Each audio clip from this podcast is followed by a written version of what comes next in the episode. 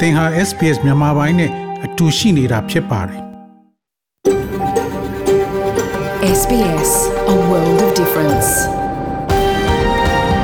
You're with SBS Burmese on mobile, online, and on radio.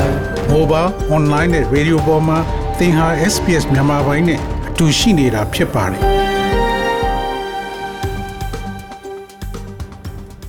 တော်ရရှင်များချစ်သိမင်္ဂလာဖျားဖျားနဲ့ပြည့်စုံတော်မူကြပါစားခင်ဗျာဒီနေ့မတ်လ22ရက်အင်္ဂါနေ့မြန်မာပိုင်းစီစဉ်များကို SPS Radio မှစတင်အသံလွှင့်နေပါတယ်ခင်ဗျာဒီနေ့အစီအစဉ်များကိုကျွန်တော်ကျော်ထွန်းအောင်ခေါ်တယ်ရိုအောင်ကတင်ဆက်သွားမှာဖြစ်ပြီးယနေ့ပါဝင်မိအစီအစဉ်များမှာတော့ Australia ရဲ့ရွေးကောက်ပွဲဆိုင်ရာသတင်းမှားများကိုပြင်ဆင်ရန်ရွေးကောက်ပွဲကော်မရှင်ပြုလုပ်ဆိုတဲ့ဆောင်းပါး heart attack ရဲ့ လက္ခဏာတွေကဘာတွေလဲဖြစ်ရင်ဘာလုပ်ရမလဲဆိုတဲ့ဆောင်းပါးဩစတြေးလျမှာအိမ်တလုံးပိုင်ဆိုင်ရာရုန်းကန်နေရစေဆိုတဲ့ဆောင်းပါးအထီးကျန်ဝေဒနာကလေးငယ်များရှင်သန်ရန်ထောက်ပံ့မှုဖြင့်ကူညီပေးခြင်းဆိုတဲ့ဆောင်းပါးတို့ဖြစ်ပြီးဒီနေ့ခေါင်းကြီးပိုင်းသတင်းတွေကတော့မာရီပိုမြို့တိုက်ပွဲကြောင့်သေဆုံးမှုများပြားတဘာဝဘေးအတွင်းဆက်သွယ်ရေးမပြတ်တောက်အောင်လှုပ်ဖို့ပြော မုံတိုင်းကြောင့်အေယာဝတီတိုင်းစာမွေးပွဲများယာယီရွှေ့ဆိုင်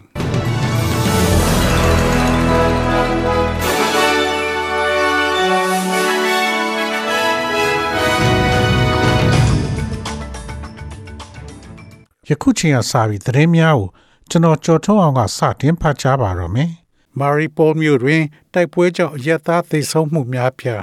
ဖေဖော်ဝါရီလ24ရက် ရုရှားကျူးကျော်စစ်စတင်ကလေးကကြီးမားတဲ့ဘုံတွေအဆက်မပြတ်အကျဲခံနေရတဲ့ယူကရိန်းနိုင်ငံမာရီပိုမြို့မှာလူလေးသိန်းကျော်ဟာစားစရာနဲ့တောက်သုံးရည်မရှိလျှက်စစ်မီးပြတ်ပြီးမြို့ထဲမှာပိတ်မိနေပါတယ်။ဆိုဝါတဲ့စစ်ဘေးကြောင့်စိတ်ဖိအားဝင်နေတဲ့သူတချို့ဟာကျန်းမာရေးကုသမှုမရရှိဘဲကွယ်လွန်သွားပါတယ်။ အိမ်နီးချင်းတွေရဲ့အလောင်းတွေကို မြေတူးမြုပ်ပေးနေတဲ့ဒေသခံအန်ဒရီဆိုသူက အခုမှအစပဲရှိသေးတယ်။နောက်ဆိုအများကြီးမြေမြုပ်ရတော့မှလို့ပြောဆိုပါတယ်။မာရီပိုရဲ့အစိတ်ပိုင်းများစုကိုရုရှားတပ်တွေထိန်းချုပ်ထားလိုက်ပြီးအစိတ်ပိုင်းတချို့ကယူကရိန်းအောက်မှာဆက်ရှိနေသေးပါတယ်။မြို့မှာကြန့်ရှိသူတွေကသူတို့ကံကြမ္မာဘာဖြစ်မလဲဆိုတာကိုမသိပဲစိုးရိမ်ပူပန်နေပါတယ်။ တပါဝဘေးတွင်ဆက်သွယ်ရေးမပြတ်တတ်အောင်လှုပ်ဖို့ပြော Federal ဆိုအမအဓိကဆက်သွယ်ရေးကုမ္ပဏီများသည်တဘာဝဘေးအန္တရာယ်များအတွင်း၎င်းတို့ရဲ့အခြေခံအဆောက်အအုံများကောင်းမွန်စေရန်အတွက်ပုံမလှုပ်ဆောင်ရမယ်လို့ပြောဆိုပါတယ်။ Australia ကျေးလက်နဲ့ဒေသတွင်းရှိအဆောက်အုံပေါင်းတသန်းကျော်ကိုကူညီပေးရန်အတွက်မြန်ဆန်သော National Broadband Network အမြန်နှုံးအတွက်လာမယ့်ဘတ်ဂျက်တွင်ဒေါ်လာ1ဘီလီယံနီးပါးခွဲဝေပေးမှာဖြစ်ကြောင်းအစိုးရကကြေညာပါတယ်။သို့သောတဘာဝဘေးအန္တရာယ်ကြောက်ရောက်ပြီးနောက်ခြေလက်ဒေသနှင့်ဒေသဆိုင်ရာဆက်သွယ်ရေးအခြေခံအဆောက်အအုံများအလုံးမလုံးချင်းနဲ့ပတ်သက်၍တိုင်ကြားမှုများရှိခဲ့ပါတယ်။ အခြေခံအဆောက်အုံလမ်းပန်းဆက်သွယ်ရေးနဲ့ဒေသဆိုင်ရာဖွံ့ဖြိုးတိုးတက်ရေးဝန်ကြီး Bridget McKenzie ကအစိုးရအနေနဲ့ဒါကိုပြည်လေအောင်ကူညီဖို့ပတ်စံရှိပေမဲ့အားလုံးကိုလုံနိုင်ပဲလို့မျှော်လင့်မထားဘူးလို့ပြောဆိုသွားပါတယ်။မုန်တိုင်းကြောင့်အေယာဝတီတိုင်းတွင်စာမေးပွဲများယာယီရက်ဆိုင်အေယာဝတီတိုင်းတွင်ရှိစစ်ကောင်စီပြည်လုပ်နေတဲ့စာမေးပွဲများမုန်တိုင်းအန္တရာယ်ကြောင့် မတ်လ22ရက်နေ့မှစတင်ကယာယီရက်ဆိုင်ထားကြောင်းပညာရေးအတိုင်းဝိုင်းနဲ့နှိစက်သူများထံကသိရှိရပါတယ်။ရှစ်တန်းကိုရန်ဆယ်တန်းတွေဖြေနေတဲ့စာမွေးပွဲတွေကို မုံတိုင်းရှိလို့ယာယီပိတ်ထားတာလို့သိရတယ်။ရှစ်တန်းနဲ့ကိုရန်ကတော့အတန်းတင်စာမွေးဖြေနေတာပြီးတော့ဆယ်တန်းကတော့တိုင်းစစ်စာမွေးဖြေနေတာလို့သိရတယ်။ဟုပညာရေးအတိုင်းဝိုင်းနဲ့နှိစက်သူတူကပြောဆိုပါတယ်။ ARD တိုင်းတို့ဦးတည်နေတဲ့မုံတိုင်းကြောင့်ချောင်းသာကမ်းခြေနဲ့ငွေဆောင်ကမ်းခြေတို့ကိုစစ်ကောင်စီလက်အောက်ခံဟိုတယ်နဲ့ခီးသွားလာရေးဝန်ကြီးဌာနကမတ်လ21ရက်နေ့တွင်ယာယီပိတ်လိုက်ကြောင်းဒေသခံများကပြောဆိုပါတယ်။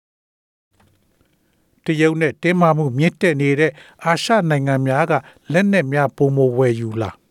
တရုတ်နဲ့မြင့်တက်လာတဲ့ဒေသတွင်ရည်ရွယ်ချက်ကိုပုံမသတိထားမိလာသည့်အာရှနဲ့သမုဒ္ဒရာပိုင်းရှိနိုင်ငံတချို့သည်လက်နက်ဝယ်ယူမှုကိုအရှိန်မြင့်လှုံ့ဆော်လာကြတယ်လို့စတော့ဟုမ်နိုင်ငံတကာငြိမ်းချမ်းရေးသုတေသနဌာနရဲ့မတ်လ14ရက်နေ့ကထုတ်ပြန်တဲ့အစီရင်ခံစာမှာဖော်ပြထားပါတယ်။ အစီရင်ခံစာတွင်2016ခုနှစ်မှ2021ခုနှစ်အထိ9နှစ်အတွင်းကမ္ဘာတဝန်းရှိလက်နက်အယောင်းဝယ်များကိုနှိုင်းယှဉ်လေ့လာဖော်ပြထားပါတယ်။ထိတ်တန့်လက်နက်တင်သွင်းတဲ့10နိုင်ငံတွင်6နိုင်ငံသည်အာရှနှင့်သမုဒ္ဒရာဘိုင်းမှဖြစ်ကြောင်းဖော်ပြခဲ့ပါတယ်။အိန္ဒိယသည်လက်နက်အများဆုံးတင်သွင်းတဲ့နိုင်ငံဖြစ်ပြီးစုစုပေါင်းတင်သွင်းမှုရဲ့17ရာခိုင်နှုန်းရှိတော်လဲဒေသတွင်းသို့ တင်သွင်းမှု4.8ရာခိုင်နှုန်းရောကျသွားကနိုင်ငံအလိုက်တွင်မွေယူမှုမှာများပြားလာကြောင်းအစီရင်ခံစာကဖော်ပြထားပါတယ်။ဂျပန်နိုင်ငံရဲ့တင်သွင်းမှုသည်2.5ဆတိုးမြင့်လာပြီးကမ္ဘာဆယ်ခုမြောက်အများဆုံးတင်သွင်းတဲ့နိုင်ငံဖြစ်ပါတယ်။ဩစတြေးလျတရုတ်တောင်ကိုရီးယားနဲ့ပါကစ္စတန်တို့သည်လည်းထိတ်ဆုံးဆယ်နိုင်ငံတွင်ပါဝင်နေပါတယ်။ ပြီးခဲ့တဲ့နှစ်ပေါင်း30အတွင်းကမ္ဘာအကြီးဆုံးလက်နက်တင်သွင်းတဲ့ဒေသဖြစ်တဲ့အာရှနဲ့သမုဒ္ဒရာပိုင်းသည်2019မှ2021ခုနှစ်အထိကမ္ဘာဆိုင်ရာလက်နက်လွှဲပြောင်းမှုရဲ့43ရာခိုင်နှုန်းရှိခဲ့တယ်လို့စီရင်ခံစာမှာဖော်ပြထားပါတယ်။ရိုဟင်ဂျာတွေကိုလူမျိုးတုံးတပ်ဖြတ်မှုအဖြစ်အမေရိကန်အစိုးရသတ်မှတ်ကြေညာ မြန်မာစစ်တပ်ဟာရိုဟင်ဂျာတွေပေါ်လူမျိုးတုံးတပ်ဖြတ်မှုနဲ့လူသားမျိုးနွယ်တရလုံးပေါ်ရာဇဝတ်မှုကျူးလွန်ခဲ့တယ်လို့အမေရိကန်နိုင်ငံသားဝန်ကြီးဌာနကကြေညာလိုက်ပါတယ်။ Washington DC မှာဖွင့်လှစ်ထားတဲ့ဂျူးတွေကိုအစုလိုက်ပြုံလိုက်တပ်ဖြတ်ခဲ့မှုအောက်မေ့ပွဲပြတိုက်မှာ American နိုင်ငံသားဝန်ကြီး Anthony Blinken ကယခုလိုပြောတာဖြစ်ပါတယ် SBS SBS SBS SBS SBS This is SBS Radio.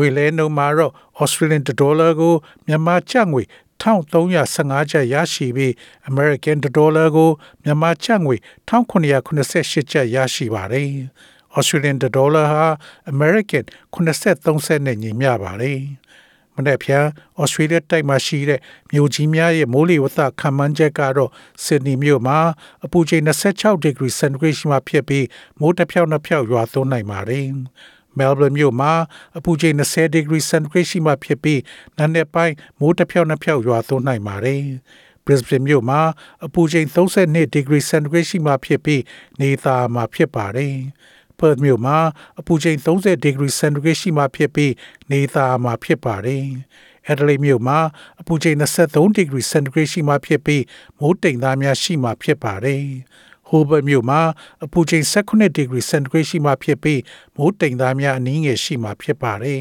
။ Canberra မြို့မှာအပူချိန်26 degree centigrade ရှိမှဖြစ်ပြီးမိုးတစ်ဖြောက်နှစ်ဖြောက်ရွာသွန်းနိုင်ပါတယ်။ဒါဝင်မြို့မှာအပူချိန်33 degree centigrade ရှိမှဖြစ်ပြီးမိုးတစ်ဖြောက်နှစ်ဖြောက်ရွာသွန်းနိုင်ပါတယ်။ဤတွင်သတင်းများကိုကြီးညာလို့ပြီးပါပြီခင်ဗျာ။